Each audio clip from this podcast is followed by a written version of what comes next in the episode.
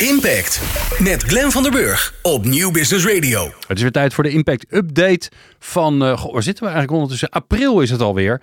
Met uh, Volkert van der Molen van duurzaam-ondernemen.nl. Uh, ja, het portal als je alle laatste nieuwtjes op het gebied van duurzaam ondernemen tot je wil nemen. Dan moet je bij hem zijn. En nou, het voordeel is, wij gaan daar even als een razende roeland doorheen wat Volkert nou opgevallen is in de afgelopen tijd. Volkert, leuk dat je er bent. Ja, hallo Glenn, zeker. We beginnen gelijk maar eens even bij uh, het meest, uh, misschien wel het meest invloedrijke orgaan in Nederland, hè, bij de SER. Ja, de SER die geeft ook regelmatig advies op het gebied van duurzaamheid. Hebben dat al ook vaker gedaan op het gebied van circulaire economie. En ze constateren eigenlijk dat hun adviezen niet helemaal opgevolgd zijn door de nationale overheid. Die hebben onlangs het programma Nationale Economie, Circulaire Economie gepresenteerd. En de SER constateert eigenlijk dat we met dit plan er niet komen om in 2050 circulair te zijn. Oké. Okay. Uh, ze constateren ook dat er een duidelijk verband is tussen de grondstoffentransitie en de energietransitie. En dat de grondstoffentransitie slash circulaire economie ook daadwerkelijk tot stand moet komen om ook uh, vaart te maken met de energietransitie. Ja, ja. Dus alles, hangt, is, uh, alles hangt aan elkaar vast. Exact. Er is veel CO2-uitstoot verbonden aan de toeleveringsketen en het uh, grondstoffengebruik. Uh, dus uh, ze pleiten voor meer daadwerkelijke maatregelen. Ja, kortom, ehm, mooie plannen, maar niet voldoende. Ehm, allemaal uitvoeren, maar nog meer bede dingen bedenken. Daar komt het op neer. Klopt. En morgen, dat is 6 april, komt er een studie uit van het Planbureau voor de Leefomgeving. Ook een soortgelijk adviesorgaan. En die hebben onderzocht hoe bereidwillig de Nederlandse consumenten zijn om circulair te zijn. Dus okay. om circulaire consumptie toe nou. over te gaan. Nou, dat mag ik nog even niet vertellen. Even, jij maar, weet het wel, jij, jij, weet het, maar het is onder embargo. Het, is onder exact. embargo heet dat. Dus nou, kijk morgen naar het nieuws. Ik wou net zeggen, kijk naar het nieuws en uh, kijk, ga naar uh, duurzaam-ondernemen.nl. Dan vind je morgen vind je het nieuwsbericht erover. Um, ja, als ik uh, in de supermarkt ben, dan uh, loop ik altijd rond met mijn smartphone. En dan uh, kan ik met mijn, met mijn Albert Heijn app, want daar ga ik meestal heen, kan ik heel handig alles scannen. En dan kan ik het ook verzamelen en uiteindelijk afrekenen. Maar die barcode, die, ja, die kunnen we nog voor meer dingen gebruiken. Ja, zeker. Hij bestaat nu 50 jaar. Ooit heeft zelfs Albert Heijn hem naar Nederland gebracht vanuit de VS. In 76 werd de in Heemskerk, de eerste supermarkt, uh, daar, werd een, koffiepak uh, gescand met die streepjescode.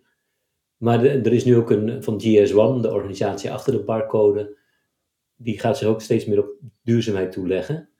En er is straks van elk product met een QR-code of barcode een gestandardiseerde link beschikbaar, waarmee je als consument te weten kunt komen of een product biologisch is, of het alle genen bevat, wat uh, de grondstoffen zijn, hoe duurzaam dit product is, enzovoort, enzovoort. Oké. Okay.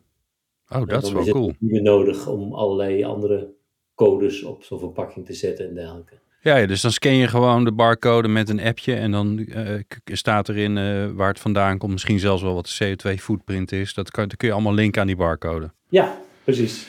Mooi. En dat is natuurlijk een heel veel gebruikt codering. Dus uh, dat biedt heel veel perspectief om als de consument gewoon beter geïnformeerd te raken. Ja, ja, dat is wel interessant. Zeker ook omdat ik de laatste tijd erachter kom dat mijn favoriete vegetarische uh, uh, schnitzel eigenlijk van melk gemaakt is. Dat was nou weer helemaal niet echt de bedoeling. Ja, dat snap ik. En daarmee heeft het ook weer een hoge footprint. Daarom, ja. Daarom. Ja, precies.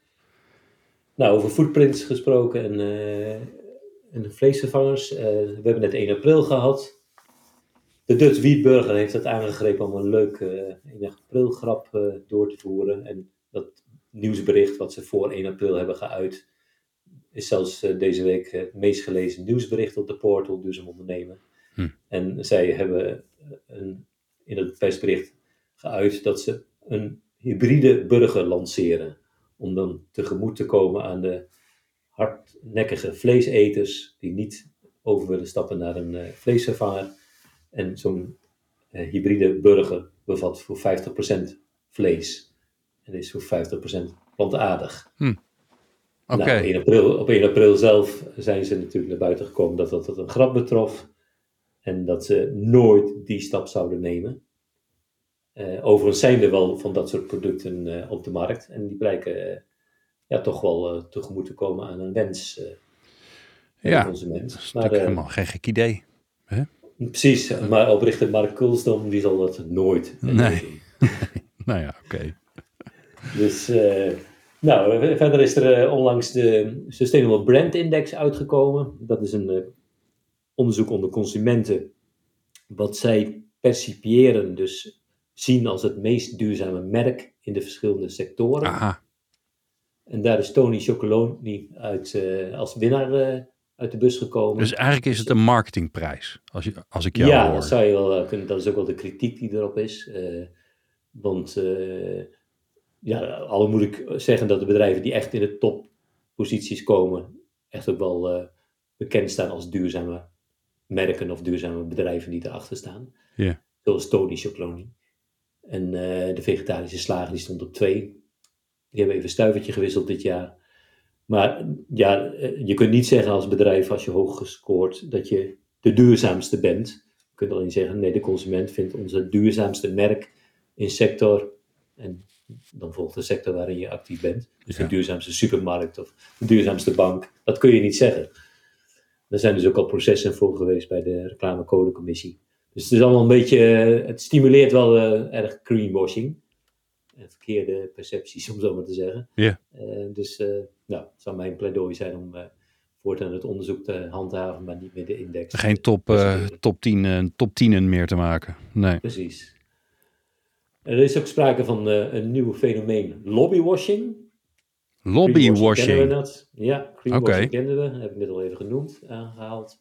Maar lobbywashing is een nieuw fenomeen dat uit steeds meer onderzoeken naar voren komt, wat, waar bedrijven zich aan schuldig maken. Dan eh, steunen ze wel initiatieven op het gebied van duurzaamheid, bijvoorbeeld op het gebied van circulaire economie, die heel zichtbaar zijn voor de consument, voor het publiek, voor het grote publiek. En daarmee krijgen ze dus een, eh, duidelijk duurzaam, eh, duurzaam marketing vehikel. En, maar aan de andere kant steunen ze allerlei lobbyorganisaties die bijvoorbeeld bij de EU lobbyen bepaalde wetgeving Ja, ja. niet door te voeren.